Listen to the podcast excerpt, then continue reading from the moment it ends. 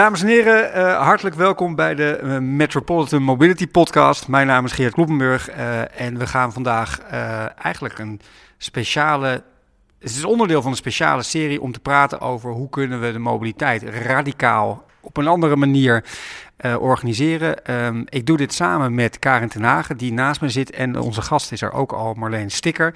Uh, we zitten in De Waag, centrum Amsterdam. Uh, hartstikke leuk. we hebben geprobeerd anderhalve meter van elkaar te zitten. Dat zitten we ook, denk ik wel. We zitten nou, nog beter aan een werkbank. Nou, dat kan ik wel even laten horen. Dat was de werkbank. En we gaan het hebben over... Karin, even, waar, waar, waar hoop je dat het... Voordat we Marleen allemaal... Marleen, jij bent er. Je hebt het microfoon aan, het werkt. Deze werkt en leuk, uh, welkom in de Waag. Ja, helemaal Dank goed. je. Karin, waar, waar, want we hebben, uh, wie hebben we al gesproken in deze serie? Carlo Ratti tot nu toe. Ja, twee Carlo's. Carlo Ratti, uh, Carlo van der Weijer Ja. en Sofia Ranchordas. Ja, Uh, met hen al gepraat over hoe zou je nou dat mobiliteitssysteem van Amsterdam radicaal kunnen herontwerpen vanuit al hun respectievelijke gebieden van expertise. En ik, uh, de afgelopen dagen, weken, toen ik me zat voor te bereiden op dit interview, uh, ging door allerlei uh, lagen van emoties. Want ik werd heel enthousiast en nieuwsgierig. En daarna, na, naarmate ik meer en meer gelezen had over commons en data en digitale hutsenfluts, werd ik ook een beetje wanhopig. Omdat ik dacht, ik, ja, ik, hè, hoe meer ik, ja, precies, hoe meer ik lees, hoe verwarder ik word. En er moet ook nog op mobiliteit passen. En nou, godzijdank zitten we dan nu hier in de Waag uh, bij Marleen Sticker. En ik hoop dat zij ons, nou, of in ieder geval mij, wat meer helderheid kan geven over al die dingen waar we zo makkelijk met elkaar over praten. Dat als we alle data hebben, een digitale laag eroverheen, dan kunnen we regie voeren op alles en dan wereldvrede. Maar die digitale laag en hoe dan en hoe organiseer je dat dan enzovoort. Dus ik zit nu gelukkig weer in mijn nieuwsgierigheid en ik denk, oké, ik mag nu alle vragen stellen. Dus zo ben ik hier naartoe gekomen. Helemaal goed. Ja, ik had zelfs een beetje. Ja, ik had zelfs een beetje dat ik ook zeg maar. Uh, nou ja, ik zit met Marleen. Ik vind het raar om over je te praten terwijl we gewoon lekker aan een tafel zitten. In dit geval een werkbank. Maar ik heb je boek gelezen met ontzettend veel interesse. Zomergasten, denk ik, uh, drie keer. Uh, zowel op de podcast, drie keer geluisterd. En toen gingen mijn, even, ik praat ook naar elkaar, ja, toen gingen mijn ogen wel open. Het was een beetje hetzelfde met klimaatverandering tien jaar geleden. Dat ik dacht, oh ja, oké, okay, dit, ik snap dat we, we got a problem. Ik snap het en hoe naïef was ik zelf. Maar mamma mia, vanuit mijn wereld, mobiliteit met 17 jaar ervaring, met ik snap al die assets, ik snap de taxis, ik snap de deelfietsen. Maar er zit hier een soort van digitale laag en die datalaag dat ik denk, jeetje mina, ik zit nu met jou en dan denk ik, ja, nu wil ik ook alles weten. En dan denk ik, hoe ga ik dit gestructureerd vormgeven van stap 1 naar stap 2 naar stap 3. Uh, dat was eigenlijk hoe ik hier naartoe wandelde. Um, Marleen, heb je er nog zin in als je ons zo hoort ratelen? Zeg maar, nou, ik, het, het, is het grappige. Ik had, ik had net een uh, gesprek met uh, iemand vanuit uh, het Planbureau voor de Leefomgeving, die zich nu gaat. Die zich afvroeg vroeg wat voor een effect algoritmes en data op de leefomgeving heeft. En na een uur zei hij: Oh, dus het is eigenlijk best simpel. Dus ik hoop dat dat nu ook gebeurt. Oh, dat hoop ik ook.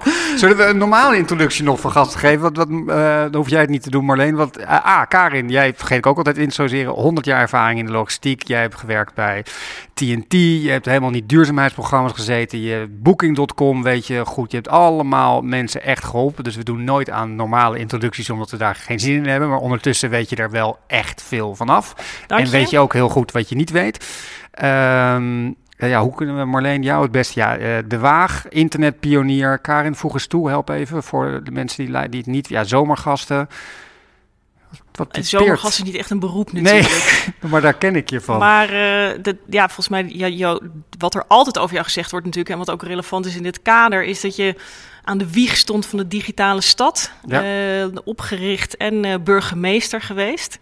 Alleen al die digitale stad spreekt enorm tot mijn verbeelding ja, vanaf daar heb, heb hij er gewoon middenin gezeten als het gaat over internet, privacy, data. Zowel de, de afwijkingen die nu ontstaan als de mogelijkheden die het in zich heeft. Ja, daar, daar wil ik het dolgraag over hebben. Is er nog een manier waarop jij voorgesteld wordt uh, die je zelf heel leuk vindt? Nee, het grappige is dat kennelijk uh, internetpionier gewoon een, een, vak is of een, een aanduiding is. Ja, ja. Dus dat, uh, dat schijnt voldoende te zijn om mij te introduceren. Maar um, nee, misschien iets kort. Ik heb, ik ben, ik heb in uh, 1994 Waag Society opgericht. Heette toen Waag Maatschappij voor Oude Nieuwe Media. Samen in die tijd met Caroline Nevian. En dat is misschien aardig. Dat is een groep van zo'n 60 mensen die zich bezighoudt met technologie, met samenleving. Vanuit het perspectief van cultuur. Dus, dus technologie zien als iets wat we als mensen met elkaar maken. Dus we zitten hier in een fablab, omgeven door spullen. Wat ik zelf erg leuk vind, is dat de afgelopen 25 jaar van digitaal heel fysiek is geworden.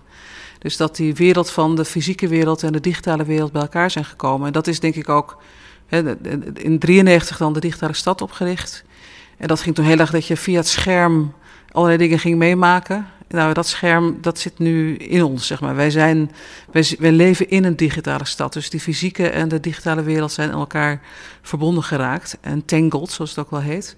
En um, ja, dus nu kun je die vraagstukken ook op een andere manier bespreken. Dit gaat natuurlijk al heel erg lang, is al heel erg lang gaande. Ja. Is ook voorzien. Maar het lijkt alsof de fysieke wereld langzaam geïnteresseerd is geraakt in wat dat digitale nou precies voor een effect heeft. Ja, want we kwamen hier binnenlopen en toen dacht ik ook meteen, jij bent directeur van de Waag. En dan zei je net in de bijzin, ja, maar we hebben ook nog weer even mondkapjes zijn aan het maken. Toen dacht ik, ja, maar we gingen hier met een internetpionier maken. Hoezo maken jullie nou als de Waag, en je bent directeur hiervan, weer opeens mondkapjes? Terwijl we wel echt over mobiliteit en, en digitaal gaan praten. Maar het is toch, hoe, hoe, die ga je dan opeens maken. Nou, het aardige daarvan is, is dat die mondkapjes is een ontwerp wat in uh, België is uitgedacht. En daar zijn uh, modellen voor die je kunt downloaden. En die je dan lokaal, als je de, een, een fablab hebt zoals wij, dan kan je die hier gewoon uh, maken. Dus de, het feit dat we gedistribueerd kunnen maken, heeft alles te maken met het feit dat we dat kunnen, digitaal kunnen delen. Ja. Dus daar zie je dat digitale productie, dus, dus productie anders wordt doordat we dingen digitaal delen. Ja. En dat, is, dat, dat principe, dat, dat, dat zit dus ook onder vraagstukken rondom energieproductie. van uh, China naar hier. Ja, inderdaad. En dus, dus die, daar, daardoor zitten een aantal van die, die principes die in het digitale domein zitten, die krijgen, eh, worden ook zichtbaar in de fysieke wereld. Ja, als we het zeg maar echt over het onderwerp, wat voor mij uh, erg gold van hoe wel, want je gaf in het boek op het digitale datadomein, zei je ja, maar Amsterdam neemt al veel goede dingen, doet het. Barcelona noem je ook. Dan is A de vraag, wat doen ze dan goed? Uh, op welk domein zijn ze al goed bezig? En kan je daar een aantal voorbeelden van noemen? Dat was eigenlijk een beetje een soort van hoe wel. Nou, de kern van het vraagstuk is, is dat hier in Amsterdam, gelukkig door de jaren heen, en in Barcelona ook heel nadrukkelijk, technologie niet is gezien als iets wat van buiten komt, wat je gewoon toepast, maar dat het gezien wordt als iets waar je richting aan moet geven. Dat het, dat het effect heeft, dat technologie een verlengstuk van macht is. Dus als je dat perspectief ziet, als je zegt: oké, iemand die data genereert of data gebruikt of data in handen heeft, die heeft er ook een machtspositie mee. Uh, dan wordt het een politiek vraagstuk. Dus op het moment dat je zegt uh, digitalisering is niet zozeer een economische activiteit of uh, we hebben eigenlijk algemeen 25 jaar lang het internet op zijn beloop gelaten en het aan marktpartijen overgelaten. Maar wat je ziet in steden als Amsterdam en ook Nijmegen overigens, en andere steden ook in, in Nederland, die hebben gezien dat de strategie op het gebied van digitalisering alles te maken heeft met democratisering. En met het ordenen van de samenleving en, en het uh, dat verdelen van macht. ja, precies, maar dat is mijn handicap dan. Dan ga ik zeggen, nou, maar ik snap, want de parkeervergunning is ooit in mijn mobiliteitsdenken omhoog of omlaag gegaan. Of, hè. Waarin had ik dan de afgelopen vijf jaar of tien jaar in de gemeenteraad kunnen zien dat de gemeente Amsterdam die en die maatregel neemt, wat symboliseert wat jij zegt, zodat ik het snap? Nou, misschien, je, je kan kijken naar de onmacht van de, van de wethouder om met Airbnb in gesprek te raken over regels die we opstellen die niet gehandhaafd kunnen worden omdat we niet toegang tot de informatie hebben. En dat je dan als, als wethouder eigenlijk ja, bijna niks te zeggen hebt. Of niet moet nadenken wat voor instrumentarium je in handen hebt om een partij als Airbnb uh, aan te spreken. Of, uh, of voor mijn part Booking.com ook. Maar we kennen het nu ook met Uber en met het hele verhaal over zelfrijdende auto's. Ik, ik heb wel eens met, het ministerie van, van, van INW uh, gesproken. En daar heb ik dan tegen zo'n zaal van directeuren en DG's, SG's gezegd: die zelfrijdende auto komt er niet. En dan gaat er echt een siddering door de zaal. Omdat alle ambtenaren daar aan het optimaliseren zijn voor die zelfrijdende auto. Dus omdat men niet beter weet dat, dat men dat moet gaan faciliteren. Want dat gaat tenslotte gebeuren. Dus dan mag je niet terughoudend zijn. Nee, dan moet je zorgen dat de markt, de sector, kan innoveren. En dan moet je als publieke uh, En dan word je niet meer als pionier gezien, maar dan word je als heel ouderwets gezien als je, dat komt als, als je daar, als je daar überhaupt maar een vraag bij stelt... Ja, nee, dat moet je, niet doen. Ja. Dus maar het klinkt ook heel volgzaam. Dus, dus ze zijn dan de technologie wel aan het volgen. Dat is gelukkig aan het kenteren, maar is, het is heel erg lang zo geweest. En dat geldt nu nog steeds als je ambtenaar bent. En dan zeggen ze, we gaan nu beleid ontwikkelen vanuit data. Data gestuurd beleid. Ja. Dan sta je daar met al je praktijkervaring. En dan komt er een, een of andere jonge ambtenaar binnen die wel AI heeft gestudeerd of iets met data, iets met data heeft. en die gaat dan jou vertellen hoe je moet armoede moet bestrijden en wat optimaliseren voor mobiliteit is en hoe de zorg. En, want die heeft data. En wat ik probeer dagelijks is ambtenaren die dat achtergrond niet hebben te zeggen: jij hebt hele wezenlijke informatie en die zit niet in die data. Dus die data is een abstractie van de werkelijkheid. Dat is niet de werkelijkheid. Integendeel, er kan heel veel vooraannames in zitten die je eerst zichtbaar moet maken. Dus het bewust zijn dat algoritmes en data uh, verlengstuk is van machtsposities en belangen, mm -hmm. uh, is de eerste stap om uh, te begrijpen wat voor een rol je dan hebt als je volksvertegenwoordiger bent of als je verantwoordelijkheid hebt voor de ordening van de samenleving. En, en nog even terug naar de vraag waarom is Amsterdam en Nijmegen en Barcelona daar dan voorlijk in, is dat zij als eerste, veel vroeger dan andere steden, dat zijn gaan inzien.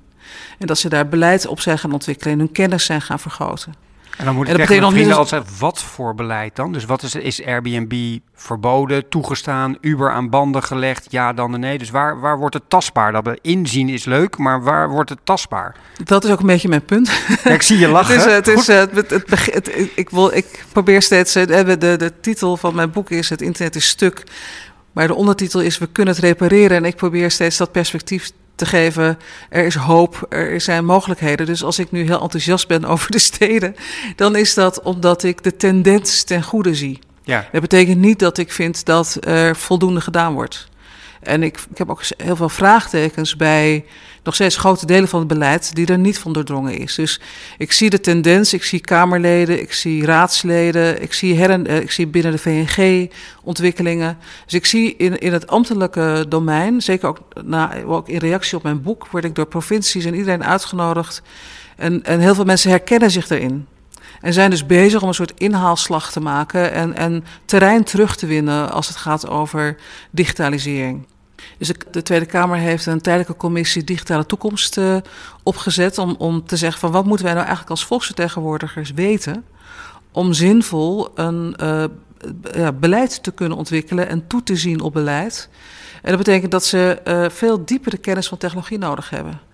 Dat, dat vind ik dan al heel goed. dus ik ben al heel blij dat dat gebeurt. maar jouw applaus is eigenlijk over die eerste stappen. Dat ze het ja, inzicht ik ben hebben, helaas... dat ze zich verdiepen in de materie.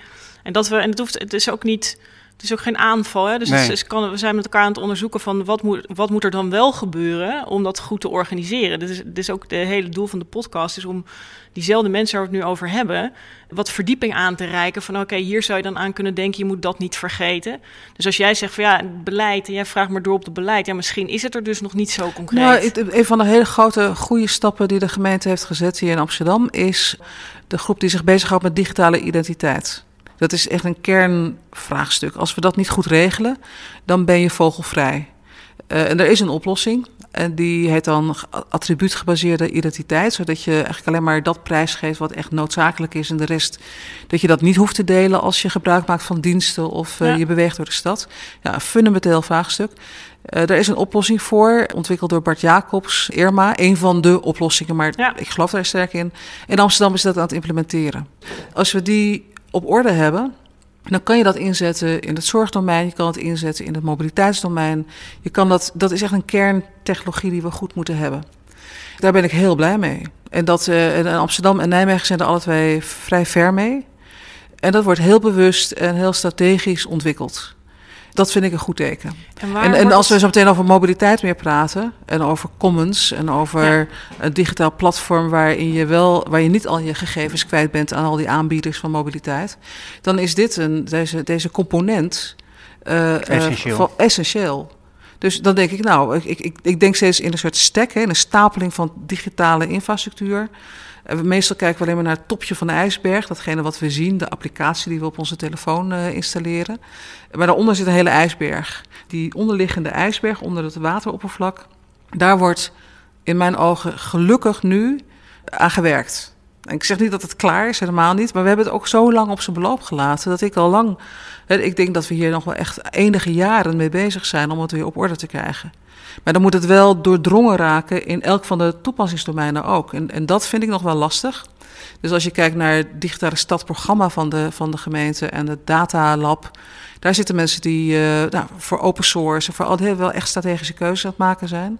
Maar als je kijkt naar de, naar de toepassingsdomeinen, zorg, uh, mobiliteit, dan mis ik soms de wat diepere uh, strategische kennis. Niet bij iedereen overigens.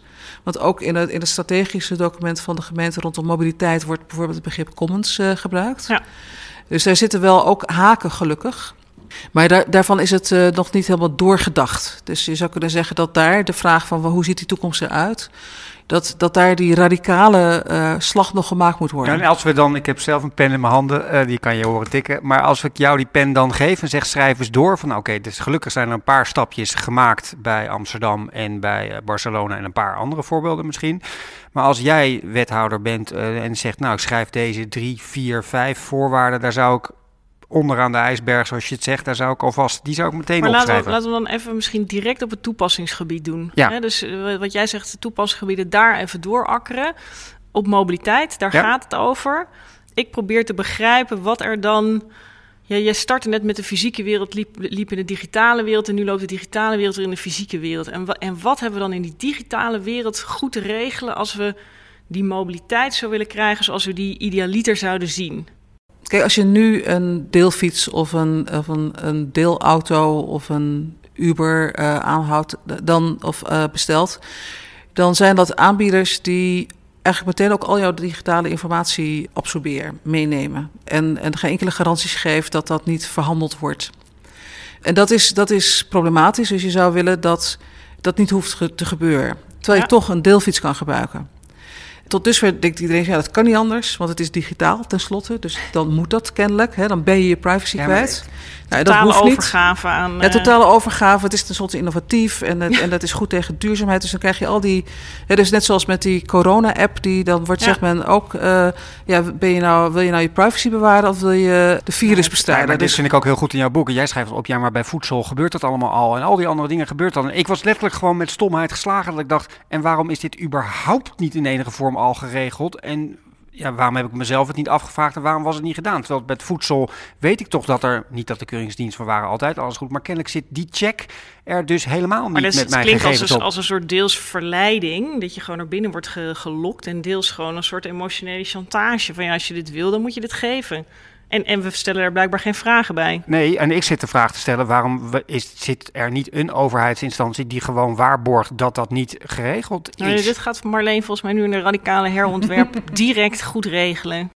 Nou, misschien nog even, want ik, ik, ik kan misschien ingaan op wat ik denk dat de oplossing is. Maar ik, het, het is inderdaad erg interessant. Ik heb het ook geprobeerd voor mezelf te begrijpen hoe het komt dat mensen zo snel zich in de luren hebben laten leggen. En, Including myself, hè? ik ben niet beter dan de rest, zo bedoel ik het niet. Nee, ik heb, ik heb uh, wat ook, ook soms als je met diepgroenen spreekt, met die uit het duurzaamheidsdomein uh, diepgroen zijn dan, dan hebben die een heilig geloof in technologie, want dat gaat het oplossen. En het is een narratief, een verhaal die, die ja, heel zorgvuldig is, uh, is ontworpen. Van, en ook de gedachte dat je vooral innovatie niet in de weg moet zitten. Uh, dat je dan, en dat is denk ik ook voor bestuurders heel lastig geweest. Als je dan uh, vragen stelde, dan, dan snapt je het niet. Dan ben je een, een ludit, dan, snap, dan ben je kennelijk tegen technologie. Dus het is, het is heel erg geframed dat alleen jonge mensen die gouden bergen beloven en zelf gouden bergen gaan verdienen, die snappen technologie. En uh, ja, als je ook maar één vraag stelt, dan ben je dom en dan speel je niet mee. Dus gaan heel veel mensen doen alsof ze het snappen. En dan gaan ze zeggen, nou, mijn, mijn jonge neefje kan het en Huppeltuk kan het. En, uh, en die gaan napraten, die gaan de sector en de markt napraten. Dus die kritische kennis, kritisch in de zin van onderscheidende kennis, is niet per se tegen. Dus het, de positie om uh, technologie savvy te zijn, dus voldoende te snappen van de technologie, om te begrijpen wat het doet en waar het vandaan komt en wat, wat de mechanismen daarin zijn. Met ook een, een kijk van wat je er wel en wat je er niet mee kan doen. Dus niet, dus niet tegen. Dat is, mm-hmm. dat, die positie is best lastig soms te, te houden. En ik heb hem op even omdat ik dan internetpionier ben, uh, kennelijk word ik geloofd, om de een of andere reden. Want ik ben dus kennelijk niet technologie, want ik heb tenslotte laten zien dat ik daar ook in geloof. En met de waag, ja, wij doen niks anders dan met technologie interessante dingen doen en dat naar de scholen brengen. En weet je, dus wij zijn gewoon uh, een technology savvy, zoals het heet. Maar we zijn ook heel kritisch. En, dat, wij zijn kritisch over de macht en over, over de effecten van technologie en, en hoe je het wel of niet zou kunnen ontwerpen. Dus ja, mensen hebben zich daarmee volgens mij in de luren laten leggen en, en proberen te maskeren dat ze er niks van snapten. Maar een groot deel van de mensen hebben er ook niks van willen snappen. Die hebben ook zoiets gedacht van, nou dat doen de loodgieters wel. Zo'n beetje van, ik ben uh, beleid, ik ben strategisch, ik hoef dat allemaal niet te weten. Dat laat ik uitvoeren. Dat doen die jongens van de ICT wel voor mij. Hmm. Dus er is ook een soort dédain van een deel van de mensen die, die, die niet geen technologische achtergrond hebben. Dat ze, dat ze het gevoel hebben van, nou dat laat ik gewoon uitvoeren en dan ga ik toch wel een beetje regelen. Nou, dat, dat, dat spel is uitgespeeld. Ze hebben niet voldoende vat erop gehad en dat zit heel diep in ons onderwijs. Dus, dus we sorteren al heel vroeg in ons onderwijs uit of jij zogenaamd heel slim bent en ga je beta doen. Of dat je dat niet kan en dan moet je maar met je handen doen of een beetje met taal en cultuur en, uh, en economie. Ja. Iets anders. Ja. Okay. Nou, zoals je ook econoom, hè, op het moment dat je econometrist bent, ja, dat is nog wel van een hogere orde ja. dan uh, als je nadenkt over gedrag hè, en, en de culturele component van, van economie. Ja. Maar nu, als je, als je zegt van wat zou dan de oplossing zijn, dan is daar, uh, als ik de pen ter hand mag nemen, er zijn een paar principes die je moet hanteren. Het eerste is dat je geen algoritmes en geen data toestaat die geprivatiseerd is. Dus informatie en data en algoritmes die sturend zijn en ordenend zijn in een samenleving, kunnen niet van private partijen zijn. Kun je daar een voorbeeld van geven? Nou, als je, als je zegt uh, de algoritmes die nu uh, verkeerslichten aansturen. Ja. Dat zou heel raar zijn als die van Google zijn. Ja. De, dus we bepalen met elkaar, en er is een hele dienst voor, en die optimaliseert voor verkeersstromen door de stad. En uh, die zorgt ervoor dat er de ene keer uh, de fietsers een groen licht hebben en dan toch maar weer wel auto's. Nou, dat, dat spel, dat is uh, een publieke taak. Die moet, daar moet je verantwoording voor kunnen afleggen. Daar moet je keuzes in kunnen maken. Dat, dat heeft effect op wie toegang heeft tot welke delen van de stad, onder welke condities. Nou, het is heel raar dat we een heel groot deel van de, de informatie die nu mensen gebruiken om te navigeren door de stad, dat we daar helemaal niet van weten wat de instructies zijn. Ja. Uh, hoe worden ze genavigeerd? Wat, wat zijn voor keuzes worden gemaakt? Wat zijn de algoritmes van TomTom, van Google, van andere aanbieders? Uh, wat krijgt voorkeur uh, via de, de, de ring of juist via de binnenwegen? Via langs het schoolpleintje. Want dat, langs want het schoolpleintje. Je ziet dat, achter het hek van zo'n private partij. Die maken daar keuzes in. Dat, ja. zijn, dat wordt, wordt doorgezet naar de algoritmes. En dat zien we dan op ons schermpje. Ja. Wat de beste route is. Nou, je ziet dat, dat gemeentes en overheden met, met veel moeite proberen te onderhandelen. Van nou liever toch niet langs deze route. Of ja. Dus de, die onderhandelingspositie van de gemeente is heel erg slecht als het daarover gaat. Want die zijn toch afhankelijk van of ze dan met iemand überhaupt te spreken krijgen. Degene met wie je in gesprek bent, als je met, met Google in gesprek bent in Nederland, eh, dat is niet degene die echt bepalend is. Nee. Dat is de verkoper van Google. Dus, dus, ja. dus je hebt hier vaak te maken met, als je het gaat over dat soort bedrijven, gaat het eh, ook met Uber. Je hebt het toch met, met de public relations te maken. Dat, dat, zijn niet de mensen die, die echt aan de achterkant strategische beslissingen nemen. En bovendien zegt men, ja, maar dat, dat is onze black box, daar mag je niet aankomen, dat is onze data. Maar dat is wel verbazingwekkend, want ze opereren in, het publieke, in de publieke ruimte van de stad Amsterdam. Ja, dus de vraag is, kan je concessies, dus zou je in je concessiebeleid, dat doen we ook met openbaar vervoer, kunnen vaststellen dat de data die gegenereerd wordt uh, publieke data is onder publiek toezicht publieke governance. Ja. Dat betekent dat je de publieke governance zo kan inrichten dat je daar meta-informatie kan ontlenen, uh, dat je daar analyses op kunt laten plaatsvinden, dat je dat heel gedoseerd misschien ook aan marktpartijen kan toedelen als dat, als dat zinvol is. Maar in eerste instantie verklaar je het tot publiek domein. Ja. En pas in tweede instantie uh, definieer je wat er wel of niet qua markt mee kan gebeuren. Ja. En in dat proces, als je zegt dat is publieke data, dan kun je ook zorgen dat je, waar we het net over hadden, die digitale identiteit en die privacy by design goed toepast. Dus als je zegt, uh, wil jij een deelfiets aanbieden in Nederland of in Amsterdam, dan moet je daar een concessie voor hebben. En dan gebruik je dit platform voor. Jij mag jouw modaliteit aanbieden. Je krijgt gewoon je transactiegeld daarvoor. Maar je weet niet wie diegene is geweest die dat heeft gebruikt. Dus je zorgt dat de gebruiker en de aanbieder van een modaliteit, dat je daar een buffer tussen plaatst. Waarbij de normale aanbieders die raad willen verdienen aan het verhuren van een uh, fiets of een auto netjes betaald krijgt. Dus het blijft gewoon een markt. Maar dat de partijen die hier alleen maar mee willen doen voor de data, dat die uitgesloten zijn. Want die zijn niet geïnteresseerd in het verhuur van een fiets. Maar dat is interessant. Mogen we daarop door? Want ik had daar duizend vragen bij. Want die, die platformpartijen die potentieel het verdienmodel hebben van data-exploitatie. Die zullen dan misschien zeggen, nou dan laten we Amsterdam links liggen. Want dat wordt zo ingewikkeld, daar kunnen we niet meer aan de slag. Dus trekken die zich dan terug? Of ik denk dat de, de Chinese partijen die hier deelfietsen proberen neer te zetten, dan niet zo geïnteresseerd meer zijn in de Nederlandse markt. Maar dat betekent niet dat we geen deelfietsen zullen hebben, want er zijn, uh, om, het, eigenlijk opent het juist de markt voor heel veel lokale aanbieders. Dus als je, als je zorgt dat de digitale component generiek is, uh, goed ontworpen is, ik, ik heb het hier wel over echt, echt kwalitatief hoogstaande digitale infrastructuur, uh, gebruiksvriendelijk, goed transactieplatform eronder dan kunnen veel meer partijen meedoen. Dan, dan kunnen ook de lokale uh, aanbieders die nu niet mee kunnen doen, want die, die kunnen niet duizenden fietsen uit gaan rusten met, uh, met digitale trackers en tracers en een heel platform gaan exploiteren. Die hebben dan de kans om ook uh, 10, 100 fietsen aan te bieden. dan wordt het wel mogelijk. Terwijl als je, als je dat niet doet, niet zo'n soort digitale infrastructuur kiest die in zichzelf als een commons georganiseerd is, als een gemeenschappelijke publieke uh, voorziening, als een nutsvoorziening, of utiliteitsplatform wordt dat ook wel genoemd.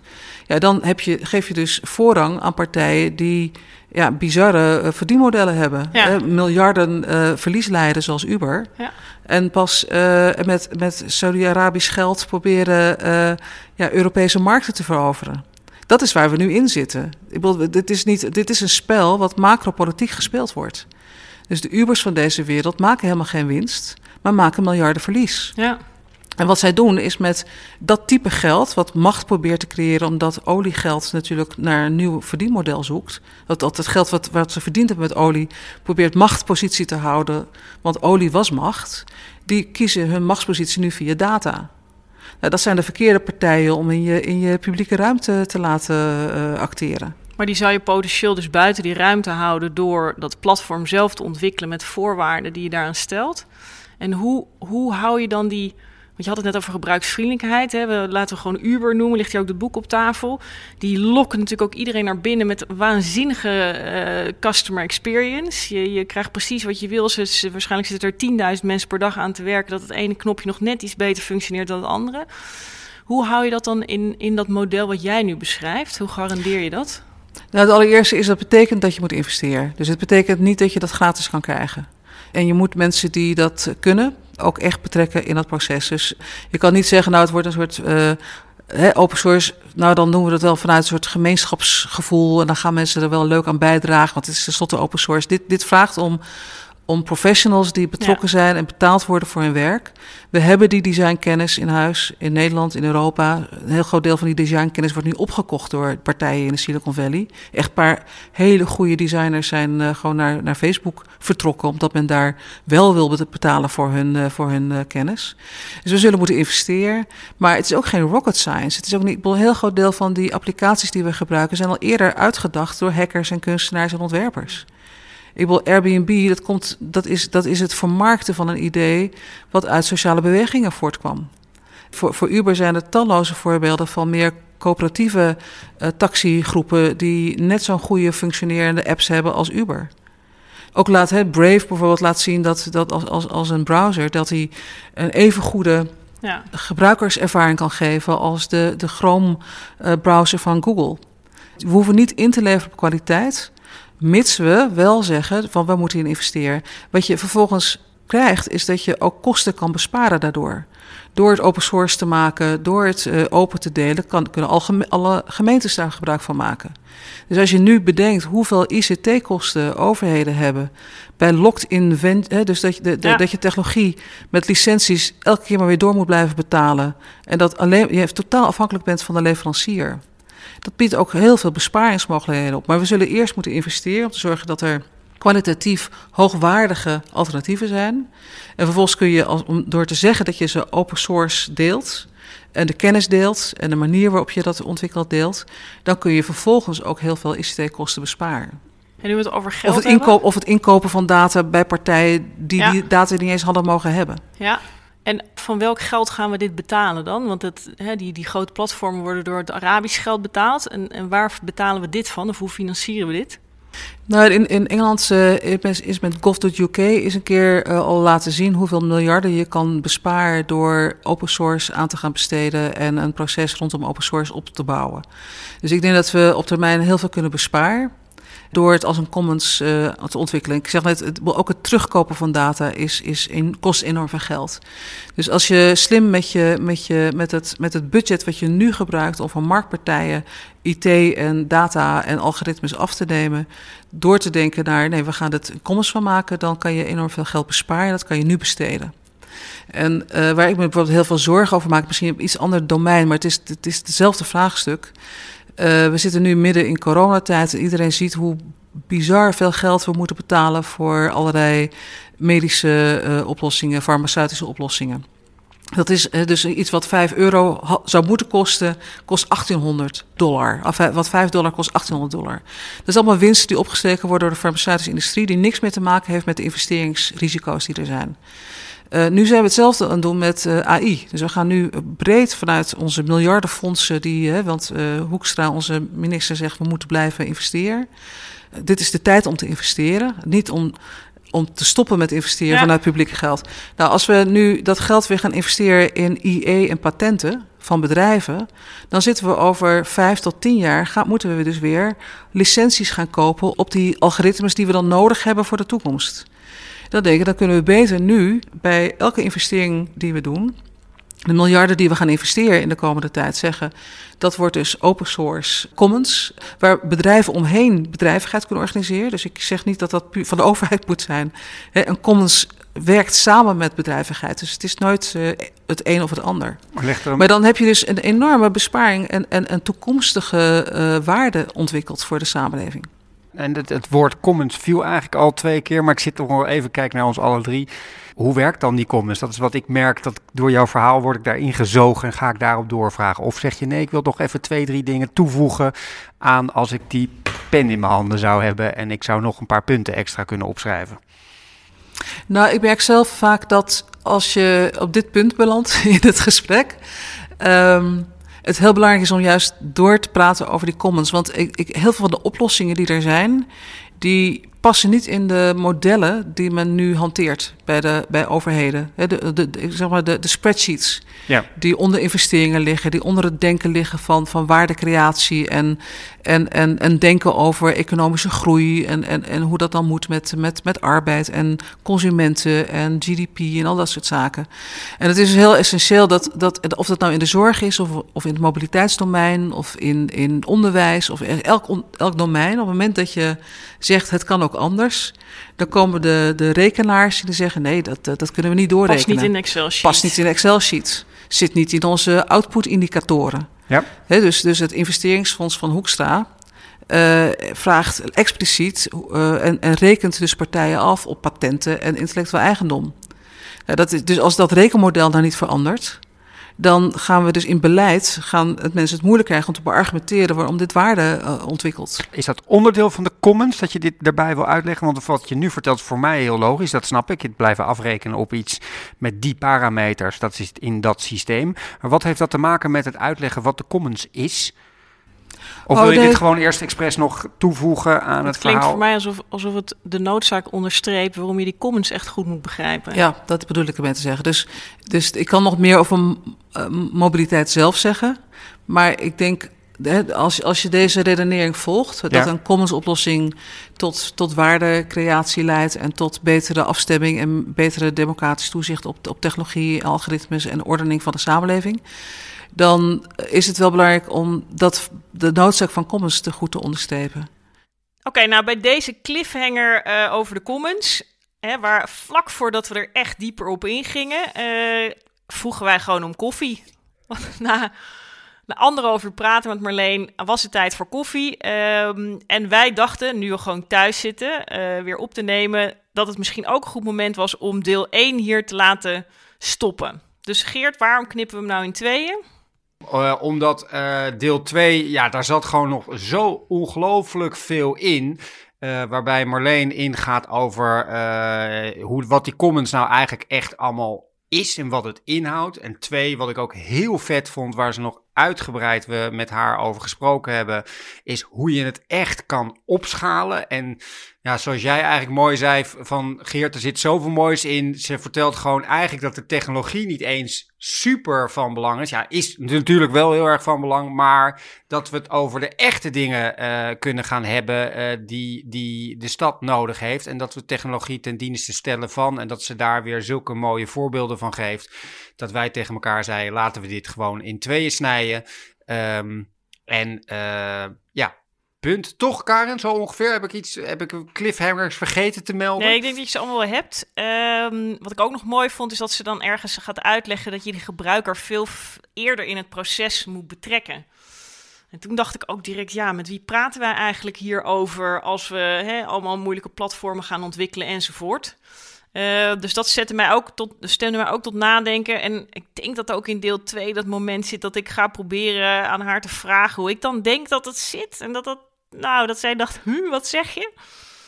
Ja, waar, heb je het nou eigenlijk over? Nou, kortom, we zitten... vragen.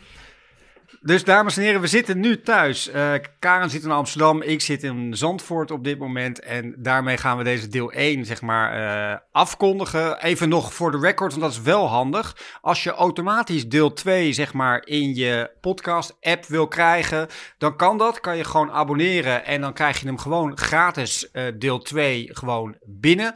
Uh, dan krijg je overigens ook alle andere Metropolitan Mobility podcasten. Uh, en deze hele serie krijg je dan uh, automatisch binnen. Dat kan je doen met je. ik gebruik mijn iPhone altijd en een paarse icoontje. Dan druk je gewoon op abonneren en krijg je ze automatisch binnen. Er zijn honderd andere manieren via Spotify. andere telefoons werken weer anders. maar dat helpt wel enorm, want dan krijg je het ja, gewoon binnen. Reviews geven. Uh, zeg ik heel eerlijk, ik vergeet het altijd. Ik ga het ook niet meer aan Karen vragen, want die doet het volgens mij ook nooit. Toch, Karen, reviews geven op dingen? Behalve op een goed restaurant. Nee, ik doe het echt nooit. Ik doe ook Ubers niet. Nee, stil, stil, stil. Maar als je het wel wil doen, dat is, schijnt toch allemaal Emma, mij, onze producer, die zegt het elke keer.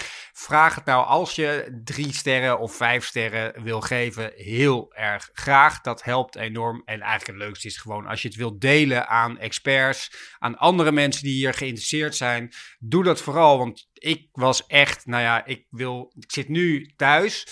Maar ik ga met alle liefde weer terug snel naar de werkbank toe van Marleen Sticker. En uh, daar weer, ja, denk met heel veel plezier terug aan het gesprek. En wil eigenlijk iedereen ook uitnodigen om deel 2 te luisteren. Want het was echt meer en meer en meer dan de moeite waard. Toch, Ja, absoluut. En uh, stuur ons ook vooral je vragen op. Uh, dan kunnen we die meenemen als we weer naar die werkbank gaan.